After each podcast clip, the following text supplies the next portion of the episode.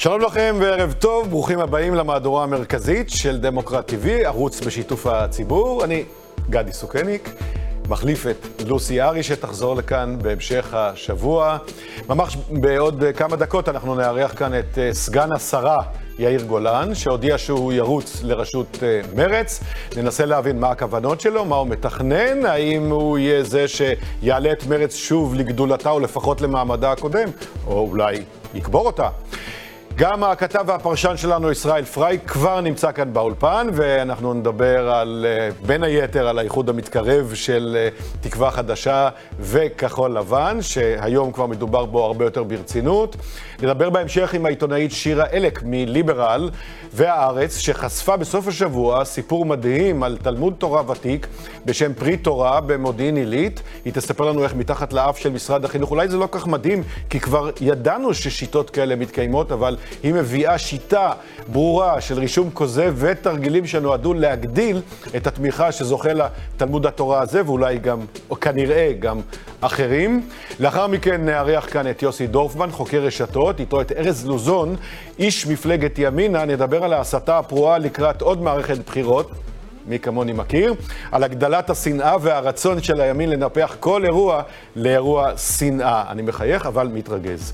נדבר גם על הטור של קלמן ליבסקין, שפורסם היום, שבו העיתונאי, שמגיע מהימין, מביע חשש גדול בדיוק מאותה תופעה, והוא מגדיר את זה חבורה קיצונית במחנה הביביסטי, שהחליטה לשרוף את המחנה הלאומי על יושביו. כך ליבסקין. לקראת סיום נעסוק במה שקרה ביפן. אני מגדיר את זה כרצח רבין שלהם, הרצח של שינזו אבה, אה, ראש הממשלה לשעבר, הדרמה הפוליטית בעקבותיו. מומחה ישראלי נמצא שם, נדבר איתו בשידור חי מיפן. ואנחנו פותחים עם ישראל פריי, שנמצא כאן אה, באולפן כאמור, ועם סגן השרה, חבר הכנסת יאיר גולן, בזום. אה, יאיר גולן, שלום. שלום, ערב טוב. אתה הודעת שאתה אתה הראשון בעצם, ואולי גם האחרון, שמודיע שהוא רץ לראשות מרץ, חוץ מהיושב ראש היוצא אה, הורוביץ. שאלת המפתח היא, האם, אני מבין כרגע, אה, תקן אותי אם אני טועה, שאיחוד לא על הפרק מבחינתך. איחוד עם מפלגת העבודה. איחוד הוא לא על הפרק מכיוון שמפלגת העבודה לא מעוניינת בכך. אה, אנחנו אמרנו בעבר, אנחנו חוזרים ואומרים כל העת, אנחנו מאמינים בהקמת מחנה שמאל ציוני גדול ורחב, אה, אם יהיו שותפים, ידינו תמיד תהיה מושטת ותמיד אה, נהיה נכונים לחיבורים, אם לא, נדע לרוץ לבד ולהביא תוצאה מצוינת בבחירות הקרבות. יש כאן סתירה פנימית, אתה יודע, כי מי שרוצה חיבור, זה אומר שהוא לא סומך על עצמו, והוא חושש שאולי הוא ייעלם מתחת לא, לאחוז לא, החסימה. לא, לא, לא, לא, אין פה שום קשר, אנחנו באמת, אני אומר לך, אני מניח, גדי, שאתה גם מכיר אותי, אני אדם עם ביטחון עצמי, ואנחנו רצים, בטוחים בעצמנו, אני לא מתרגש בכלל מהסקרים הנוכחיים, אה, זה פשוט שלב מוקדם מדי, אין לי ספק, אנחנו נדע להביא את הבוחרים הביתה ולהביא תוצאה טובה. זה בכלל לא העניין. העניין הוא הסתכלות קדימה, העניין הוא אה, אחריות לאומית, האם אנחנו מסוגלים מתוך הכוחות שלנו עצמנו אה, לחבר יחדיו את כל השמאל הציוני ולייצב כוח פוליטי משמעותי אה, שבאמת משפיע על גורל המדינה או לא. ולכן מידת האחריות הלאומית מחייבת איחוד. אבל אני חוזר ואומר, לא יהיו חיבורים, אנחנו נרוץ בגאון, אנחנו נרוץ בראש מורם, אנחנו נביא תוצאה מצוינת, אה, אין בזה שום הבעה של נחיתות, נהפוך הוא, אנחנו באמת בטוחים בעצמנו ובבוחרים שלנו. מה ישתנה? אתה הולך להריץ את המפלגה בכמה חודשים ספורים עד נובמבר. מה ישתנה ומה ישנה את התמונה שהפכה משישה מנדטים לספק ארבעה? אני חושב שקודם כל האתגר הוא לגדול. ושוב אני אומר, זאת השאלה שלי, איך? שישה מנדטים, אני מזכיר שכל הסקרים, לפני שקיבלנו שישה מנדטים, הראו ארבעה ואפילו פחות, סקרים שלא עוברים את אחוז החסימה האלו גם בבחירות הקודמות. לכן אני פחות מתרגש מהעניין הזה. אבל אני יכול להגיד לך את הדבר הבא, אני מאמין גדול בכך שאנחנו צריכים אה, לשלב יחדיו זהות, מהות ומנהיגות. הזהות שלנו כאנשי שמאל ציוני, המהות מבחינת ההכרח להיפרד מהפלסטינים, אה, מדינה שהיא מדינת רווחה, אה, הפרדת דת ממדינה ושוויון כערך מוביל על מנת לייצר לכידות בקרב כל אזרחי ישראל, ומנהיגות, מנהיגות נמרצת, פעילה, דינמית, שמסוגלת באמת לדבר אל האזרח הישראלי ולחזק את המחנה, לחזק את המפלגה. זה בניגוד מה, למנהיגות הנוכחית? לא, לא, אני לא אומר, אני חושב שניצן הוביל אותנו ב, באמת בתקופה לא פשוטה, מלאת אתגרים, הביא הישג. אה, אני מסתכל קדימה, אני חושב שבהסתכלות קדימה אני מסוגל אה, לקחת את המפלגה, להצעיד אותה צעד נוסף אה, קדימה. בדרך להיות כוח פוליטי משמעותי יותר. טוב, אחת המכות שספגתם בזמן האחרון הייתה אה, פרישתה של חברת כנסת ערבייה ממרץ, והשאלה שיש לנו, יש לנו, אתה יודע, עניין של שאלות מהבית, אז השאלה באה מהבית מופנית אליך בעניין הזה. היי, אני לאור לוברסקי, בן 19 מחולון. Um, המצב של מרץ נראה לא טוב, בבחירות האחרונות מרץ קיבלה רק שישה מנדטים, שנראה שהם רק מקמפיין גוואלד. הקהל של מפלגת העבודה ומרץ הולך ומתמעט, כמו הדור שהוא הולך ומתמעט, שמצביע לעבודה ומרץ, והאיחוד בין העבודה למרץ אה, רק מקטין את הגוש, כפי שהיה בשנת 2020. השאל, השאלה שלי, האם זה לא מתבקש שמרץ תוביל איחוד או שותפות יהודית ערבית על מנת להגדיל את הגוש? תשובה? התשובה היא פשוטה, אם היה לזה ביקוש, אז אה, בהחלט היה אפשר לדון בזה. הנושא הזה הוא מסתובב בחלל האוויר כבר מספר שנים. נעשו סביב זה לא מעט אה, סקרים, והתברר שחוץ ממתי מעט, שככה פריקים של הרעיון, הרעיון הזה לא תופס. הוא כנראה שהוא בוסרי מדי, או לא יודע, מכל דבר אחר. אה, מעבר לכך, שאני חושב שחשוב לומר שמפ"ם במקור, ולאחר מכן רץ, ולאחר מכן מרץ, אה, תמיד היו למעשה מפלגה אה, שיש בה ייצוג ערבי משמעותי. אני מזכיר שבבחירות האחרונות רצנו עם מספר 4-5 נציגים של החברה הערבית, מספר 9 נציג של החברה הדרוזית, היינו למעשה עם שר ושני חברי כנסת שאינם יהודים, ולכן אני חושב שכל העניין הזה למעשה קיים במרץ אה, לדורותיה, לגלגולי השנים. למרות שזה לא מנע, מ, זה לא מנע, מ, זה לא מנע מעיסאווי פריג' שפורש עכשיו מהפוליטיקה, לפחות על פי הודעתו, אבל הוא היה חבר כנסת ותיק של אה, מרץ, לומר עליך שאתה לא באת מה-DNA של המפלגה. אני רואה את זה כמחמאה. למה אני רואה את זה כמחמאה? כי מרצ נמצאת בכל אופן באיזשהו משבר מתמשך של אה, חוסר יכולת לגדול. למרות ה, באמת המהויות שדיברתי עליהן, שהן בעיניי מצוינות, והן הן עתיד של מדינת ישראל, עתיד של קדמה, של אה, גישה אה, הומניסטית, ליברלית, אה, ועם זאת אה, לאומית מאוד, ובכל זאת אנחנו לא גדלים. ולכן לדעתי מה שנדרש הוא דווקא באמת שינוי כיוון, והשינוי כיוון הוא שינוי בזהות הלוחמנית, במנהיגות הנמרצת, ואני חושב שאת הדבר הזה אני יכול להביא, ולכן אני לא מתרגש מזה שאולי אני לא, כן, לא גדלתי במפלגה בשלושים השנים האחרונות, מסיבות מובנות, אבל אני חושב שמה שקובע באמת, זה כמו שאמרתי, הזהות, המהות והמנהיגות. אבל אתה יודע, אלה, אלה, מנהיגות זה מילה ברורה, כל היתר זה מילים אה, מאוד אמורפיות. השאלה היא איך לא, אתה, לא, איך, לא, לא תכלס, אתה תבוא לאנשים ותגיד, יש פה מנהיג חדש, מנהיג יותר חזק, יותר בהיר, אה, איך תפתה את המצביעים, קודם כל לחזור מארבעה מנדטים, אה, גם הם בספק, לשישה, ואולי להגדיל, איך תפתה אותם? אני חושב שמה שאנחנו רואים היום זה שבמיוחד, יש מספר נושאים שבהם אה, אנחנו נשארנו לבד, לבד על הבמה, היחידים שאומרים את מה שאומרים. הדרישה האולטימטיבית להיפרד מהפלסטינים זה נראה לי נכס בלעדי של מרץ כיום. חבל, אבל זה המצב.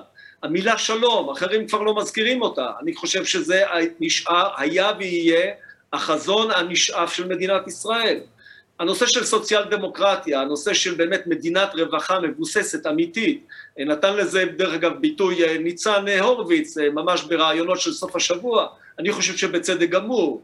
אה, הנושא של באמת עם כל היחסים הטובים, גם לי יש יחסים אישיים טובים מאוד עם המפלגות החרדיות, אבל אני חושב שהתביעה לראות בציבור החרדי ציבור אה, פעיל יותר, אה, שתורם תרומה משמעותית יותר לכלכלת ישראל, שמעורב יותר בחיים ולא בעצם חי על חשבון אחרים, אני חושב שזו תביעה מוצדקת.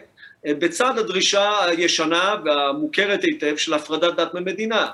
אני חושב שהשוויון, משום מה נשארנו לבד שמדברים על שוויון בין יהודים לערבים, רק חוק השבות מבדיל בעצם בין אזרח יהודי לאזרח ערבי, כל השאר חייב להיות... סביר להניח, מעבר לדברים היפים האלה, סביר להניח שהקמפיין שלך, שלך, שלכם, בסופו של דבר יהיה באמת מה שהוזכר קודם על ידי השואל מהבית, קמפיין גוואלד, שאומר, רבותיי, שו, עשיתם את זה גם בעבר, שאם לא תצביעו לנו, ביבי עולה, בוודאות.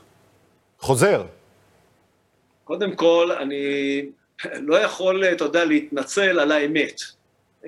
כן, יש חשיבות עליונה לכך שמרצ תהיה גם בכנסת הבאה, ואם תהיה חברה בממשלה, הרי זה משובח, כדי לחסום את המגמה של השחתה ולאומנות קיצונית משיחית שהולכת ופושה בנו. אז אני חושב שכוח הנגד האמיתי הוא מרץ, ולכן אה, אני רואה בנושא הזה לא גוואלד, אלא הסתכלות מפוקחת על המציאות הפוליטית הישראלית, ומתן מענה הולם לאתגרים של אה, מצד אחד אה, פשיזציה שפושה לצערי בחברה הישראלית, ומן הצד השני אה, נושא של השחתת מידות שהוא פשוט בלתי נסבל, שהמסמל הכי מובהק לזה זה בנימין נתניהו. ישראל פריי רוצה להשתלב גם בנושא הזה. כן, ערב טוב, סגן השרה יאיר גולן. בהינתן ואכן אתה מצליח, כובש את כס ראשות מרץ, מצליח לעבור איתה את אחוז החסימה, אתם באים להקים ממשלה, אני רוצה לשאול אותך, מהי הממשלה שאתה שואף להיות בה, ובעיקר, האם מבחינתך הרשימה המשותפת היא חלק אינטגרלי מאותה קואליציה שאתה יושב בה? בואו נתחיל קודם כל מהשאלה השנייה. אני חושב, מבחינתי, כל מי שמכיר בכך שישראל היא ביתו הלאומי של העם לא, היהודי... לא, לא כל מי שמכיר, אני שואל האם הרשימה המשותפת היא מבחינתך פרטנרית לשבת באותה קואליציה. עונה, אני עונה במדויק לשאלה הזאת. כל מי שיכיר, מכיר או יכיר, בעל העתיד לבוא, אה, בכך שישראל היא ביתו הלאומי של העם היהודי. מדינה חופשית, דמוקרטית ושוויונית, מבחינתי הוא פרטנר אפשרי. סגן השרה, אתה מכיר, אתה uh, מתמודד על ראשות מרצ, אז מן הסתם אתה מכיר את המצע של לפחות מפלגות השמאל או מפלגות הגוש הזה. אתה יודע מה הרשימה המשותפת אומרת על מדינת ישראל. ולכן אני שואל אותך, זו שאלה שהיא פרקטית, היא עשויה להיות בעוד שלושה חודשים מאוד מאוד, לא uh, מאוד, מאוד משמעותית. אתה רוצה את הרשימה המשותפת איתך בקואליציה לצדך או לא? ישראל, אני לא חושב שנכון עכשיו לנהל את המשא ומתן הקואליציוני המדומיין שעוד לא קרה. יש לנו כל כך הרבה גשרים לחצות לפני שנגיע לגשר הזה. לא, אנחנו לא מנהלים משא ומתן, אני עיתונאי, אבל אני שואל האם מבחינתך, אתה מתמודד כמפלגה, על ראשות מפלגה בתוך גוש מסוים, האם אתה רואה את המפלגה אה, של הרשימה המשותפת שותפה לקואליציה שאתה רוצה להיות חבר בה? חוזר ואומר, אם כל מפלגה שתחזור על התנאים שאמרתי, מבחינתי שותפה אפשרית. עכשיו תראה מה קרה, בוא נתייחס לדברים שקרו, לא לדברים שעוד לא קרו. כלומר, מבחינתך הרשימה המשותפת צריכה להגדיר את עצמה מחדש לפי תנאים מסוימים בשביל להיות שותפה ראויה לקואליציה איתך? אני לוקח דוגמה, אני לוקח דוגמה ממנסור עבאס. מנסור עבאס מכיר במדינת ישראל כביתו הלאומי של העם היהודי, אה, דורש שישראל תהיה אה, מדינה אה, חופשית, דמוקרטית ושוויונית, מבחינתי הוא פרטנר. כל מי שמוכן לחזור על הדברים האלה, מבחינתי הוא פרטנר. כלומר, כלומר מבחינתך כרגע מנסור עבאס הוא פרטנר לקואליציה, איימן עודה לא. לא, אני לא נותן ציונים כאלה לאף אחד. אני חושב שוב שלא לא מקיימים עכשיו משא ומתן מדומיין על משהו שעוד לא קרה. אני אומר, מהם התנאים להמשך? אני חושב שמה שהגדרתי הוא לגמרי ברור. ועכשיו איזה דיונים יהיו, הרי גם המשותפת היא לא, לא אנחנו חייבים להתעכב על הנקודה הזאת. זו לא שאלה היפותטית, הרשימה המשותפת היא רשימה ותיקה יותר מהזמן שכבודו נמצא בפוליטיקה. זו הרשימה, זה המצע שלה, והשאלה היא נורא פשוטה, האם אתה, סגן השרה, יושב בראשות מרצ, מקים קואליציה כשלצדך הרשימה המשותפת. אדוני מתמודד על ראשות מפלגה, זו שאלה אקטואלית שתהיה על השולחן יום אחרי הבחירות. אתה יושב עם הרשימה המשותפת בקואליציה או לא? אז אני מסביר, חוזר ואומר, שלא יושבים עם אף אחד בכל תנאי. כשמקימים ממשלה, יש לה קווי יסוד ויש לה עקרונות. Okay. אוקיי.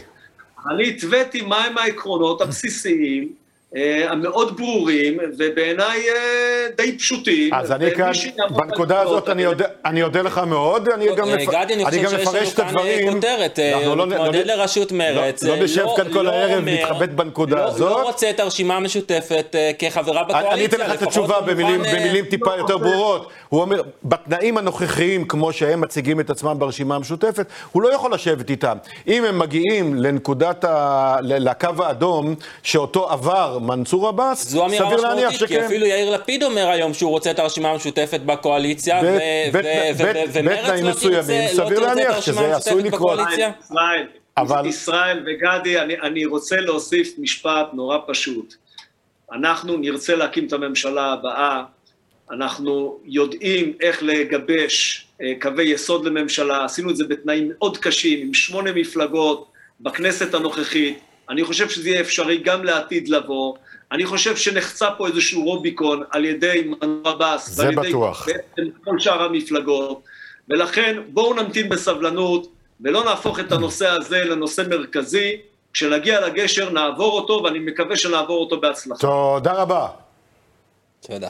תודה לכם. ישראל, בוא, בוא נדבר כמה מילים על האיחוד שאולי הוא לא מדהים ואולי אפילו לא מפתיע, אבל הוא מסתמן, של תקווה חדשה וכחול לבן, נכון, גנץ וסער. כותרות אה, פוליטיות אה, די משמעותיות היום, שאנחנו כארבעה חודשים אה, לבחירות, והכותרת הגדולה היא זו, שתי המפלגות, תקווה חדשה של גדעון סער ו... אה, מפלגת כחול לבן של אה, בני גנץ מתאחדות, מתאחד, מתחברות. אה, זה קורה בשעה שמונה ורבע, תהיה הצהרה משותפת של שר המשפטים ושר הביטחון. זו בעצם פרי עבודה שנעשתה הרבה מאוד זמן, עבודה שנעשתה עוד אפילו לפני שדובר על בחירות. כלומר, כל מפלגה, שצריך לומר שתיהן מפלגות טריות בסך הכל, אמנם כחול לבן סוחבת כבר איזשהו אה, אה, כמה שנים, אה, אה, כמה סבבי מערכות, אה, תקווה חדשה טריה לחלוטין, אבל הן כל הזמן במהלך שבוחן את עצמם כדי לראות ולזקק היכן נמצאים המצביעים שלהם. וכל הסקרים שנעשו לאורך השנה האחרונה מובילים לכך ששניהם תקווה חדשה וכחול לבן יושבות על אותו בייס של מצביעים, והמטרה היא כמובן ליצור, לפחות מבחינת בני גנץ... לא במלואו ליצ... אולי, אבל uh, בסופו של דבר יש יושבים, חפיפה לא יושבים לא קטנה. חפיפ, עם חפיפה גדולה על, על זהות המצביעים. המטרה היא uh, uh, פשוטה, לפחות מבחינת גדעון סער, הוא צריך לצלוח את אחוז החסימה, עם כל הכבוד לביטחון העצמי המופגן שהוא וחבריו מפגינים בראיונות. הם חשש. לא באמת uh, עוברים אחוז החסימה, בטח לא כשאתה מתחיל ארבעה חודשים לבחירות על גבול אחוז החסימה, ומבחינת בני גנץ זה המהלך המעניין, כי על פניו בני גנץ מאורגן עם סיעה ממושמעת, צייתנית, שלא נתונה בכלל אה, אה, לסימן שאלה של אה, אחוז החסימה, אבל ככל הנראה גנץ מתכנן מהלך רחב יותר של התמודדות ראש בראש מול יאיר לפיד, כלומר החדשות הרעות הערב הם עבור יאיר לפיד, שמבחינתו אמור להיות ראש הגוש.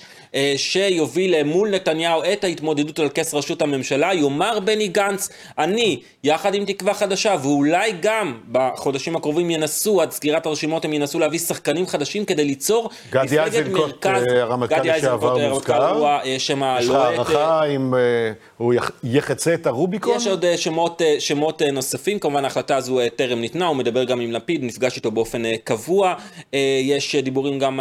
הוא מהסס על... באמת, אני מבין. כן, גם אפילו גם ממפלגת העבודה, אבל אה, אה, ככל הנראה המטרה היא למעשה לנסות ליצור מפלגת מרכז חדשה, שבעיקר תגיד, אנחנו אלה שיכולים להביא את החרדים.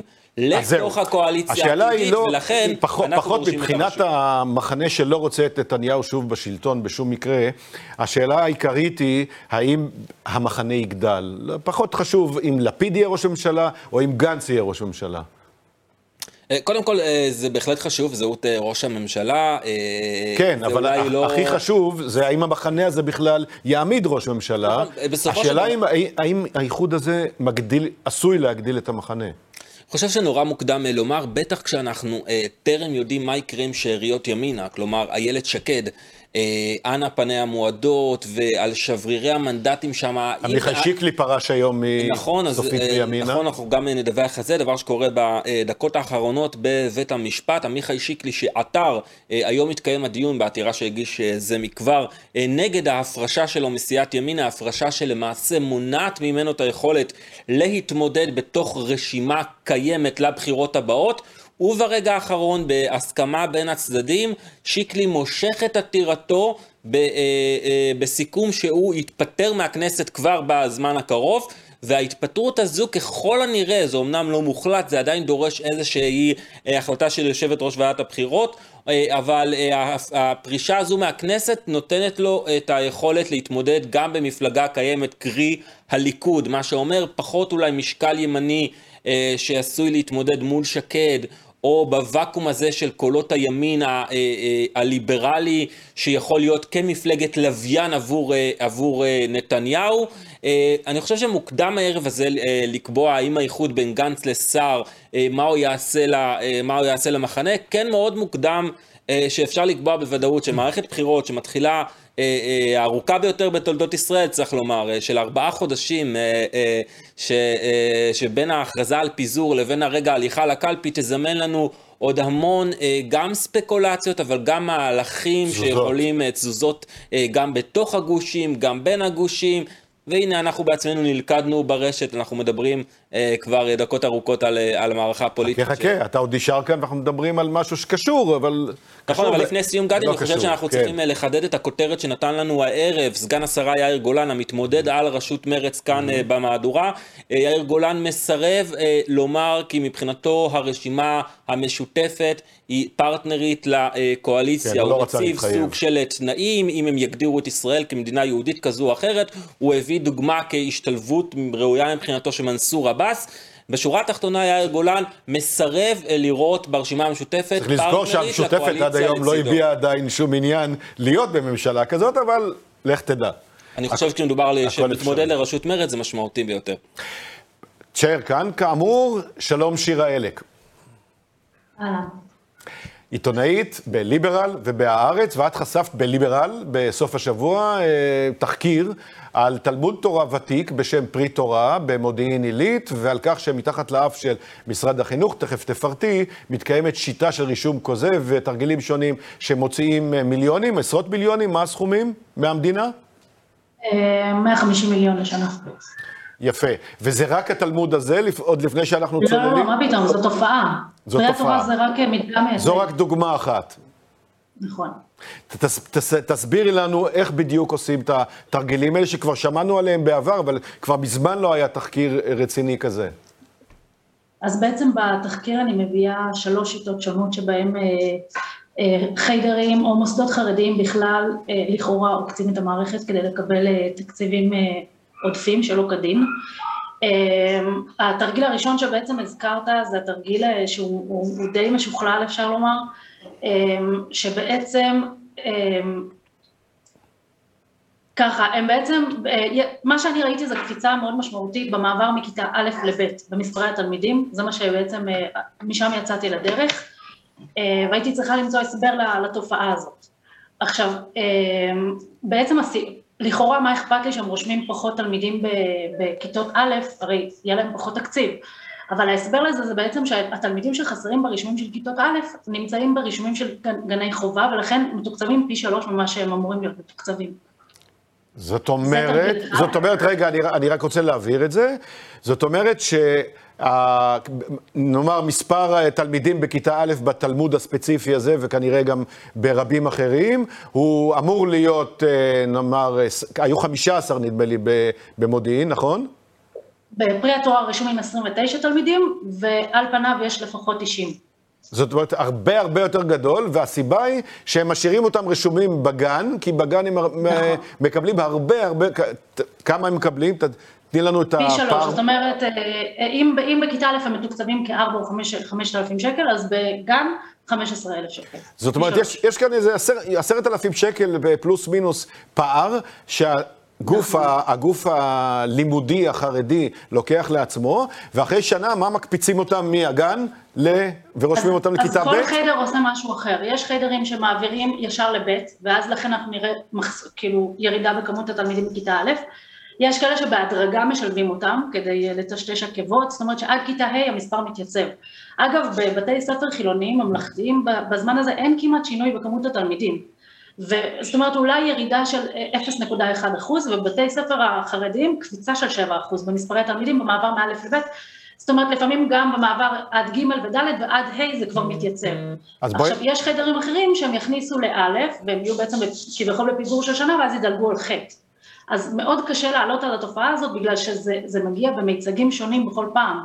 זאת אומרת, רואים פשוט כאוס של מספרים, ואני לא הגעתי לשורש העניין, זאת אומרת, זה רק אה, תרגיל אחד, יש עוד תרגילים שעדיין לא הצלחתי להוכיח, בגלל שפשוט כל מה שרואים זה בלגן עצום במספרים, בדיווחים, בקפיצות משנה לשנה, רישומים כפולים שקשה להוכיח שבאמת אה, מדובר בשני מוסדות שונים, אז לכן הבאתי רק מה שהצלחתי להוכיח, אבל יש עוד הרבה שבעצם צריך לחקור שם. קצת, קצת אה, צבע לתוך העניין, אני מבין שאת גם כחלק מהתחקיר נכנסת בעצמך לתוך התלמוד תורה הספציפי הזה, איך?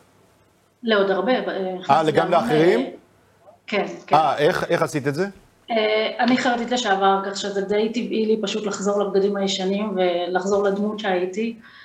נכנסתי, חיפשתי את מוישי פרידמן במרכאות, אמרתי שמשכח את האוכל בבית, פשוט המצאתי לעצמי איזשהו סיפור, והם לא, לא ידברו יותר מדי עם נשים גם ככה, אז מעטים בשיחה, כך שזה די זרם, ונכנסתי, דיברתי עם תלמידים, דיברתי עם מורים, אף אחד לא חשד בי או משהו כזה. עכשיו בואי נמסגר שוב את הסכומים. את אומרת שהיית אחד מאוד מאוד ספציפי לעומק בדקת, את אומרת שזה קורה גם באחרים וגם ביקרת באחרים, ותני לנו עוד פעם את המסגרת של, ה... אני, אפשר לקרוא לזה חד וחלק, התרמית, איך מרמים את משרד החינוך, באיזה סכומים? בתרגיל הזה של מעבר מחובה לאלף, מדובר ב-25 מיליון לשנה. בסך הכל? כן. עכשיו, איך... בכל החיידרים ביחד. ואיך, ומה משרד החינוך אומר על העניין? כי אנחנו קיבלנו מהם תגובה שאומרת שהטענות אה, מוכרות אה, היטב. נכון.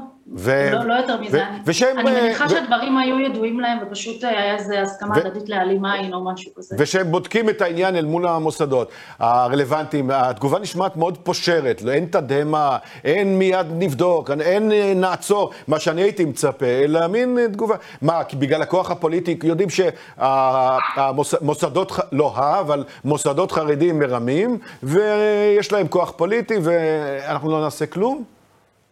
אני לא, אני לא יודעת להגיד בשמם, אני לא רוצה להגיד משהו שאני לא יודעת. תחושתך?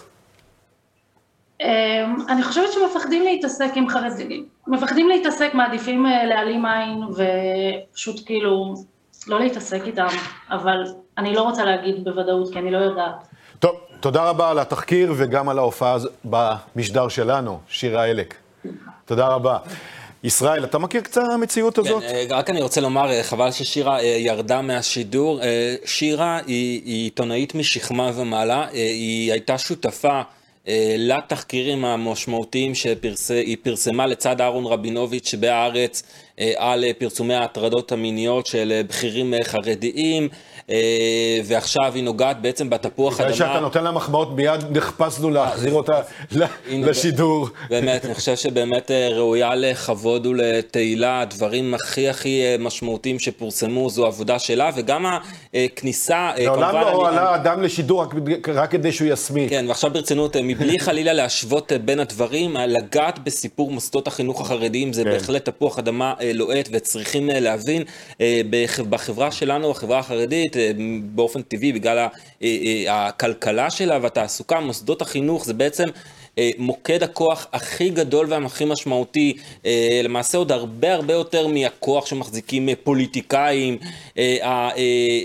היכולת להעסיק יכולת העסקה של המון אנשים, היכולת של המוסדות להחליט את מי אתה מקבל או לא מקבל לשורותיך, זו בעצם גם מחזיקים מבחינה כלכלית את הציבור, גם מחזיקים מבחינת היכולת בעצם את מי לקבל ואת מי לא לקבל למוסד, שזה בעצם חורץ את גורל אפילו השידוך של נכדיך.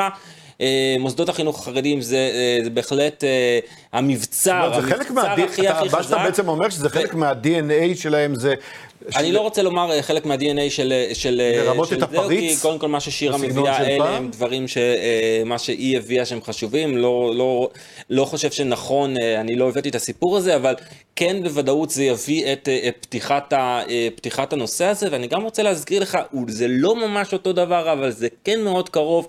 אה, ככל הנראה אה, יושב ראש מפלגת יהדות התורה אה, ואגודת ישראל הבא יהיה אדם שנקרא יצחק גולדקנופ. יצחק גולדקנופ הוא בעצם מחליפו של ליצמן שקנה את שמו, תהילתו גם כספו מניהול רשת גנים של אגודת ישראל, רשת גנים שבעצם, נרצה או לא, זה גם חלק ממפלצת המוסדות החרדיים, שגם שם יש דוחות מבקר המדינה לא מחמיאים בעבר.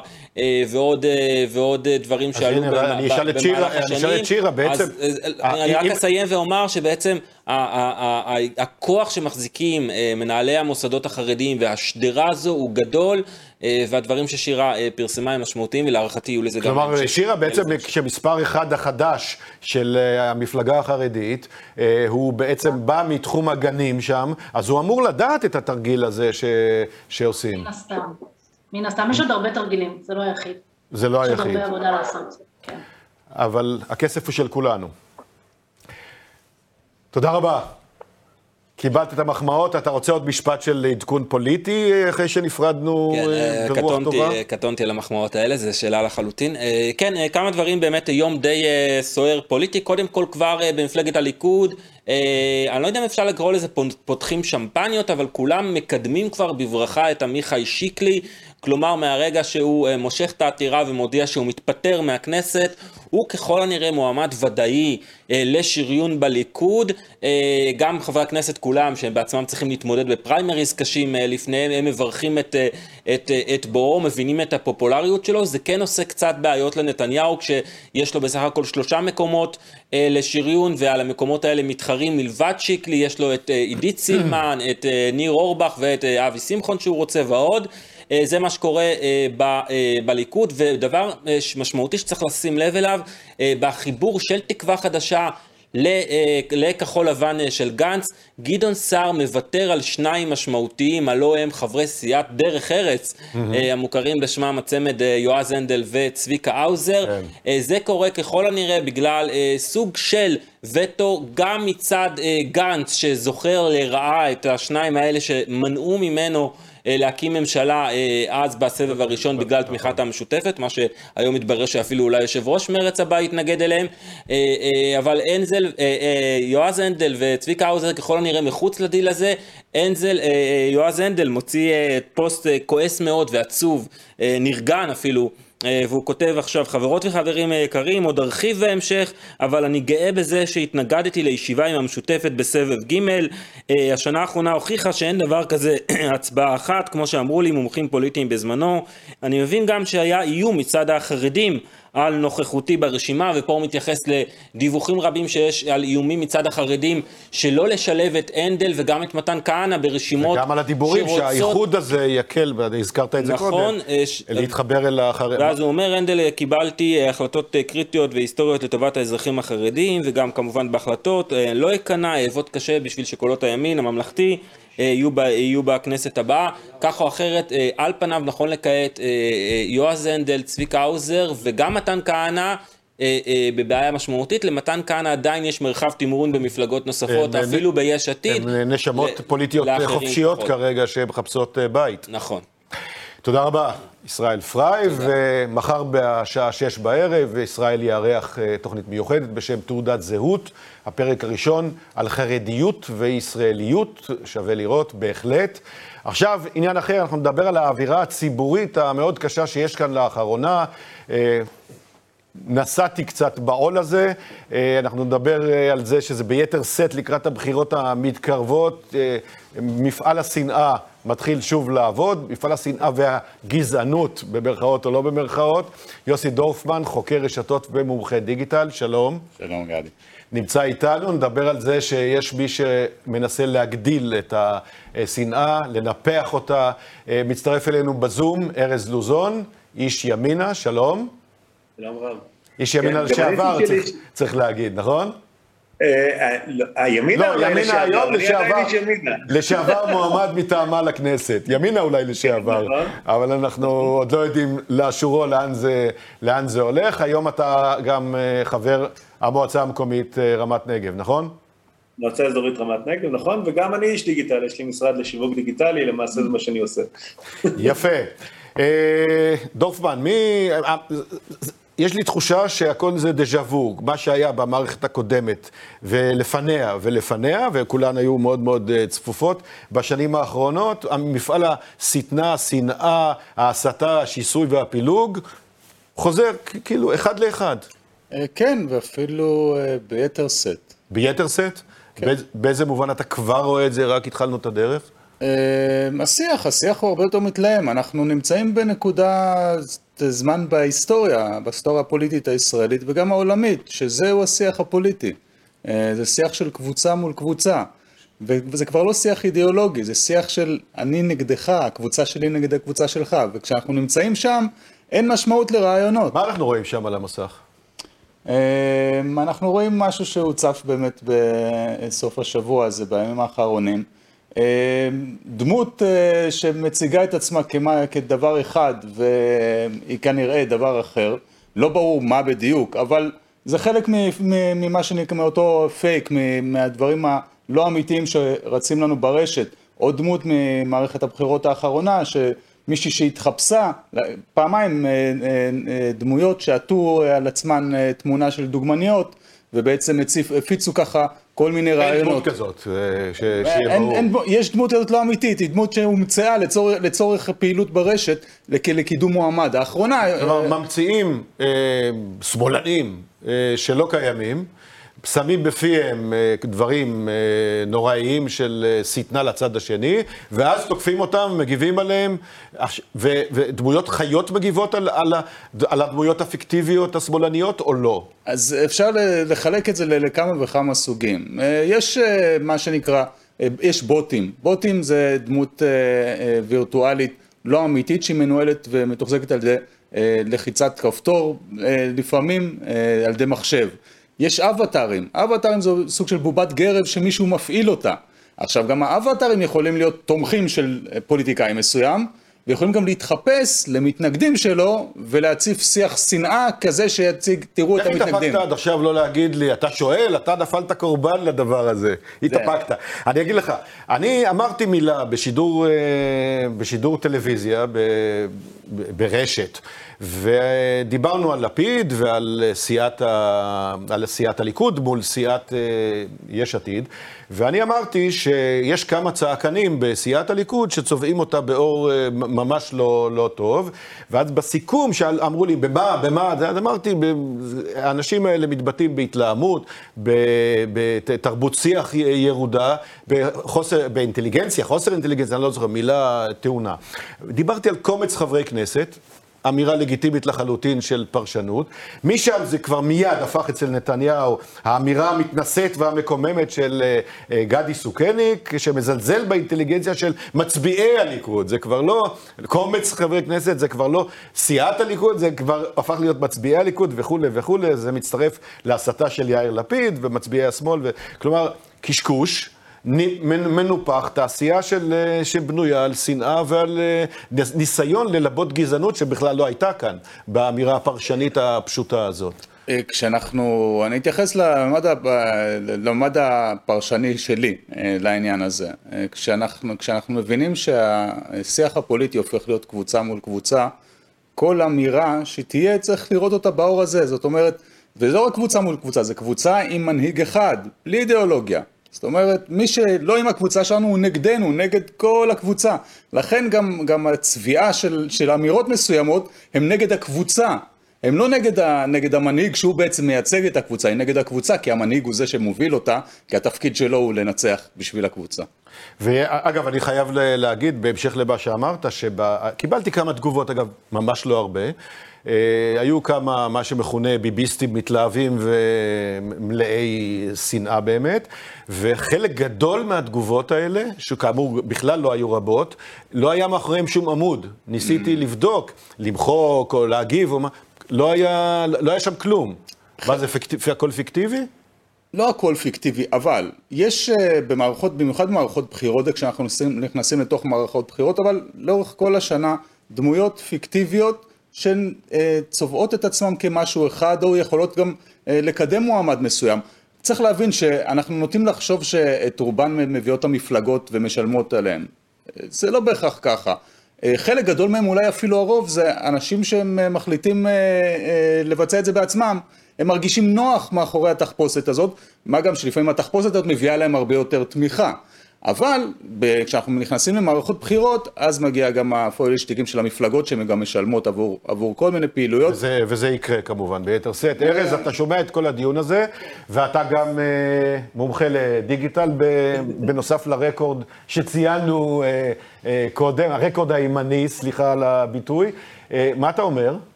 אני רוצה להגיד שני דברים. אחד, הסיפור הזה של פייקים ויוזרים, אמ, אני חושב שהפעם הראשונה שנתקלתי בו זה עוד לפני שהמציאו את האינטרנט. יש אה, ספר אה, מאוד מפורסם, משחק של אנדר, של אורסון סקוט ווילס, ששם מעבר לעובדה שהוא חוזה את האינטרנט, הוא חוזה את הסיפור של הפייקים. שתי הדמויות המרכזיות שם אה, בעצם משחקות במה שנקרא רשתות, דמות אחת רעה ודמות אחת טובה, וככה מייצרים שיח ומצליחים להשפיע.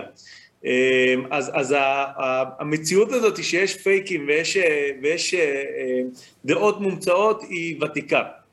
אני חושב שמה שקורה אבל, אה, ומה שחמור שקורה בשיח שלנו מעבר לדבר הזה, זה קצת כמו שיוסי אמר, ואני חושב שהמאמר של קלמן אה, פרסם גם מאוד מדבר על זה. כן, כן, אנחנו, ת, אנחנו כבר מגיעים לזה, כן. הפסקנו, הפסקנו לדבר על, על, על פייקים של ערכים, כן? אנחנו כבר לא מדברים על ימין או שמאל, אנחנו לא מדברים בעד ארץ ישראל, נגד ארץ ישראל.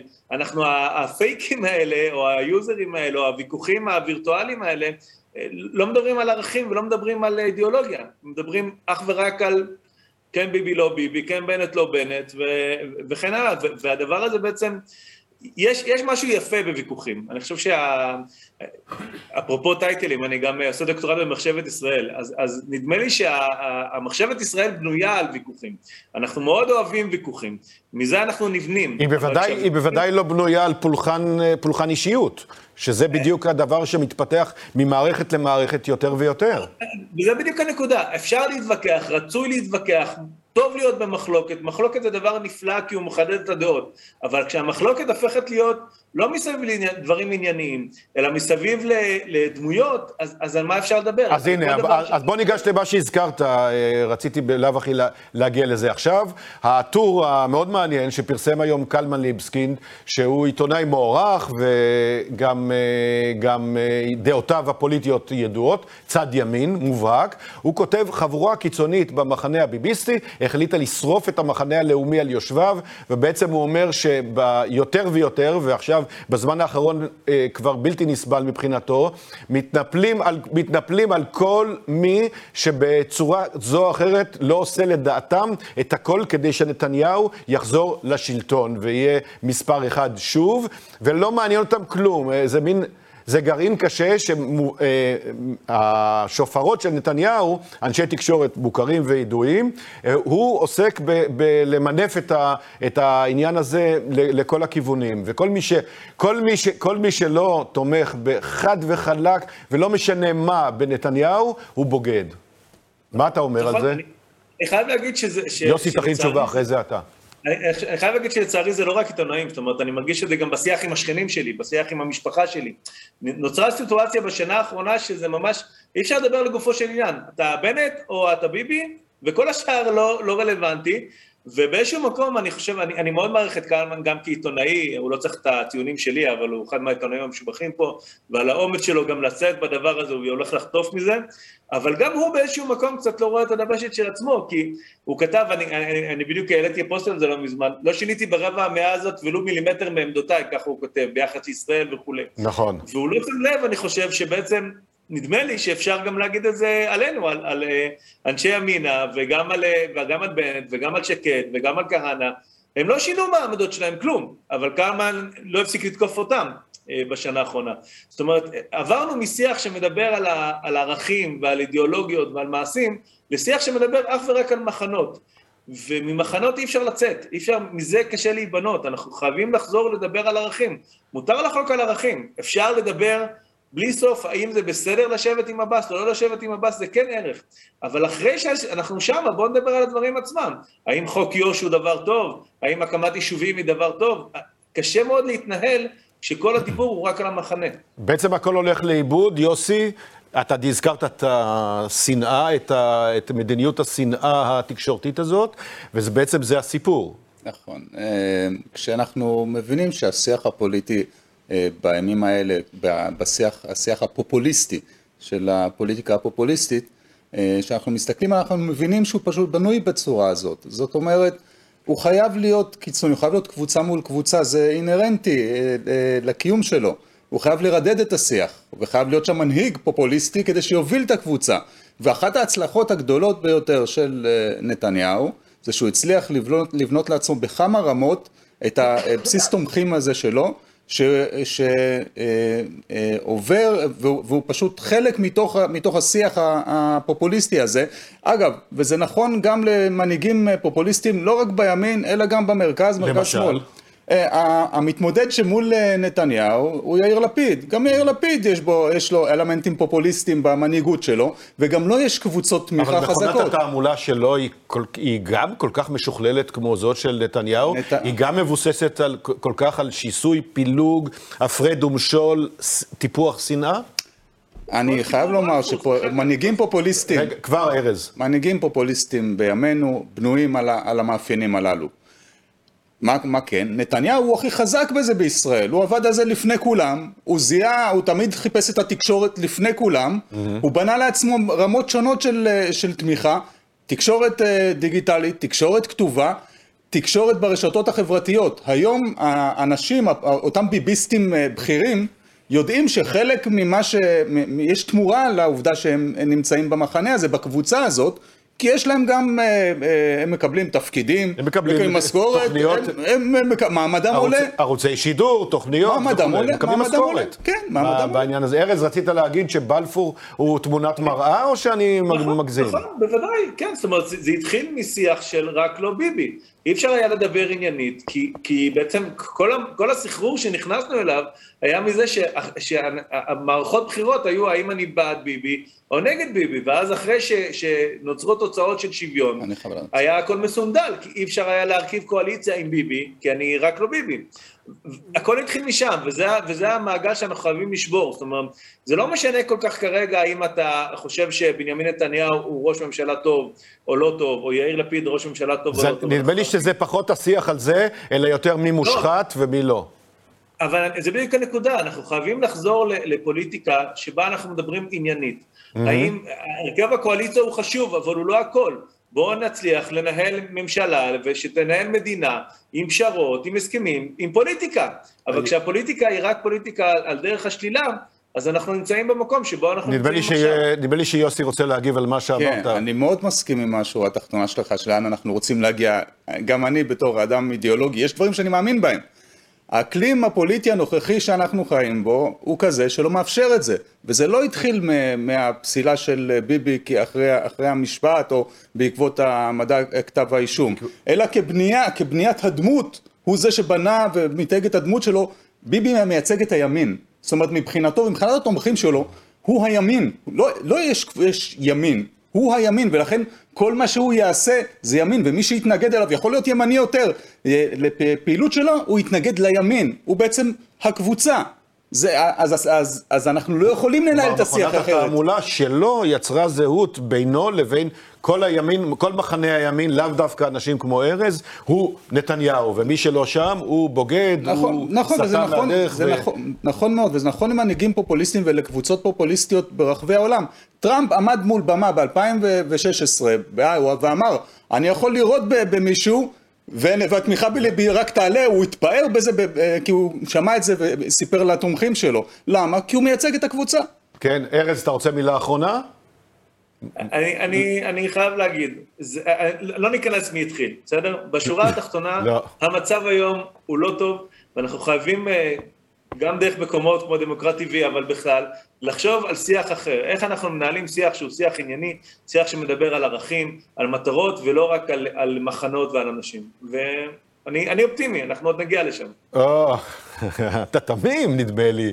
לא רק אופטימי, אבל אה, בוא נקווה שנגיע מתישהו לשם. אני, לצערי הרב, נדמה לי ששניכם תסכימו, שכרגע הנתיב הוא גרוע מאוד.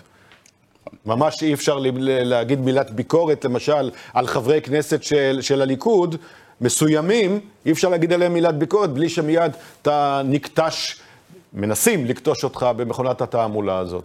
אבל נקווה שזה ישתפר. תודה רבה, ארז. שמחה. תודה רבה, יוסי. טוב, בואו נשמע אה, עדכון על מה שקורה ביפן אחרי הרצח של אה, ראש הממשלה לשעבר והדמות הפוליטית הכי חשובה, אומרים, בשנים האחרונות, שינזו אבה. האיש הכי משפיע על הפוליטיקה היפנית זה שנים רבות. שלום לפרופסור ניסים אוטמזגין, מומחה ליפן, דקן הפקולטה למדעי הרוח באוניברסיטה העברית, ואתה נמצא איפה? בקיוטו, ביפן. נכון, אני נמצא בקיוטו, כמאה קילומטרים אה, להיכן שההתנגשות אה, התקיימה. והיום יום בחירות, בכל זאת, ביפן, למרות הכל. נכון, אה, זאת אומרת, ראש הממשלה לשעבר אבה נרצח כאשר הוא סייע למועמד מקומי בקמפיין הבחירות בעיר נערה. הבחירות התקיימו היום, הייתה ציפייה שמפלגת השלטון, מפלגת המפלגה הליברלית דמוקרטית שאליה משתייך אבה, תנצח בכל מקרה, אבל uh, הבחירות כבר, uh, אנחנו כבר אחרי 12 בלילה, כבר אחת בלילה פה ביפן, התוצאות החלו להגיע, ומפלגת השלטון, מפלגתו של אבה, אבה זכתה בלנדסלייד ויקטורי, זאת אומרת ניצחון הרבה יותר גדול ממה שהייתה מקבלת לפני כן, יחד עם השותפה הקואליציונית שלה. מה זה אומר? זה אומר שה... שההלם שבו נתונים היפנים גרם להם דווקא להצביע, לחלק מהם, דווקא להצביע בשבילו, אולי בעבר הם לא הצביעו.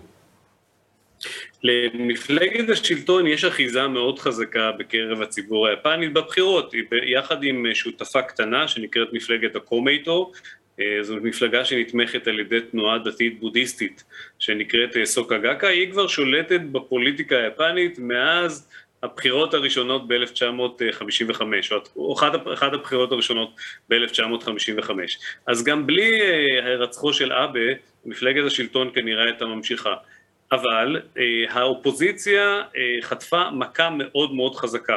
זאת אומרת שמפלגת השלטון עכשיו תוכל לשלוט בבטחה גדולה הרבה יותר, להעביר החלטות אה, אה, נוספות, החלטות שאולי לא היו מועברות אם, אם היה לה רק אה, רוב קטן, גם בנושאים כלכליים וגם בנושאים של מדיניות חוץ. זאת אומרת, אפשר להגיד שבמותו או בהירצחו הוא ציווה למפלגתו את השלטון ההרבה יותר נוח.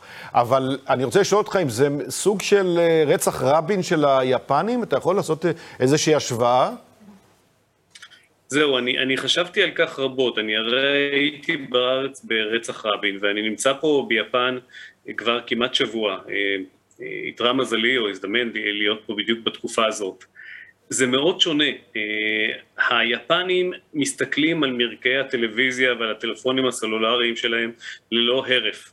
החדשות משדרות את הסצנות, את הסרטונים ותמונות וראיונות מההתנגשות שוב ושוב ושוב ושוב. אבל נראה לי שהיפנים עדיין לא מעכלים את זה לחלוטין. לא רואים uh, תגובות ציבוריות חזקות, לדוגמה ברחוב, אספות המוניות. כמובן מדברים על זה בטלוויזיה, מדברים על זה ברשתות החברתיות, אבל עדיין לא ראיתי ביפן את מה שראינו בארץ אחרי הרצחו של רבין, את ההתפרצות האדירה הזאת, את האנשים שהולכים לפארקים, את השיח של הפוליטיקאים. כמובן, הפוליטיקאים כולם מזועזעים, מביעים צער, ידוענים מביעים צער, אבל אני חושב שליפנים לוקח קצת יותר זמן לעכל את זה. כשאני דיברתי עם חברים, עם מכרים, עם אנשים אפילו ברחוב בימים האחרונים, מאוד רציתי לשמוע, הם כולם כזה התבטאו בצורה מהוססת. כמובן, כולם חושבים שזה מעשה רע, אבל הם עדיין מנסים להבין את המשמעויות. מה, כי הם... גם הפוליטיקה... כי אולי הם לא, יודע, לא מסוגלים לעכל את זה במהירות כזאת? כלומר, תרבות שנדמה לי שלפחות כבר הרבה שנים היא הרבה פחות אלימה מאשר... אצלנו בכל זאת יש הרבה יותר אלימות בסדר יום הפוליטי של המדינה, ואולי בגלל זה גם היה יותר, גם בשנות ה-90, כשרבין נרצח, היה יותר אה, קל לעכל את זה ולהגיב מיידית. בהחלט, זאת נקודה טובה. זאת אומרת, יפן היא לא מדינה אלימה. אה, שיעור הפשיעה ביפן הוא, הוא הנמוך ביותר בעולם. מספר האסירים הוא קטן מאוד. לא רואים ביטויים של אלימות, גם לא אלימות מילולית כל כך, כפי שאנחנו רגילים במקומות אחרים בעולם. בגלל זה זה כל כך מפתיע. זאת אומרת, עוד רצח פוליטי. עכשיו, כמובן, זה לא שאין אלימות בפוליטיקה היפנית. אה, ראש הממשלה אבה הוא ראש הממשלה השישי היפני שנרצח בתפקיד או מעבר לתפקיד, מאז שהחל מוסד ראש הממשלה במאה ה-19. אבל הראש הממשלה האחרון שנרצח היה ב-1936, זאת אומרת, היפנים חשבו שזה כבר נחלת העבר. מספר עשורים אין את הדברים האלה. אני אה, בזמן קמפיינים פוליטיים, אה, הפוליטיקאים אה, נואמים ברחובות והזדמן לי להיות פה כמה פעמים לפני לקראת בחירות. אני פשוט ניגשתי לאחר מכן לשרים, אפילו פעם לראש ממשלה, בקלי קלות. זאת אומרת, הקרבה הזאת לפוליטיקאים זה דבר שהוא מאוד רגיל ביפן, אבל לצערי כנראה שזה הולך להשתנות. זאת אומרת, היפנים עדיין לא כל כך מבינים מה המשמעות של ההתנגשות הזאת ומה אמור לקרות, למרות שכמובן כמו שנהוג ביפן, אה, לקיחת אחריות. כבר שומעים אה, מפקד משטרת נארה ומפקדי המשטרה של המחוז, כבר מדברים על, ה, על הפשלה, על, ה, על הכישלון הגדול, וכנראה שאנחנו נראה סדרה של לקיחת אחריויות, כולל כמובן התפטרויות של אנשים רבי דרג, כפי שזה קיים ביפן. מן הסתם הם גם אומרים, יעברו עכשיו תהליך אה, התפכחות שבו כבר הסטריליות, כמו שקראנו לזה לפני רצח רבין, ואני שידרתי את הרצח והייתי שם בכל השלבים של האירוע בשנת 95. אה, אני מניח שהסטריליות שאפיינה את האירוע הזה הייתה, ואת האירוע של רצח אבה, היא הפעם האחרונה שאפשר היה לגשת, כמו שאתה ניגשת, לנואמים ולדבר איתם. אנחנו כנראה נראה מה שנקרא ביטחוניזציה יותר גדולה, זאת אומרת יותר שוטרים, יותר ביטחון, יותר שיח שמדבר על זה. לא נראה לי שאנחנו יגיעו לדרגה של ישראל עם שיירות אה, מאוד אגרסיביות שמאבטחות כל פוליטיקאי. זה, זה, זה לא יקרה, אני, אני די בטוח, אבל בהחלט אנחנו מדברים על יותר ביטחוניזציה. שאלה גדולה, האם זה גם יוציא קצת את היפנים מהאפתיות שלהם כלפי פוליטיקה?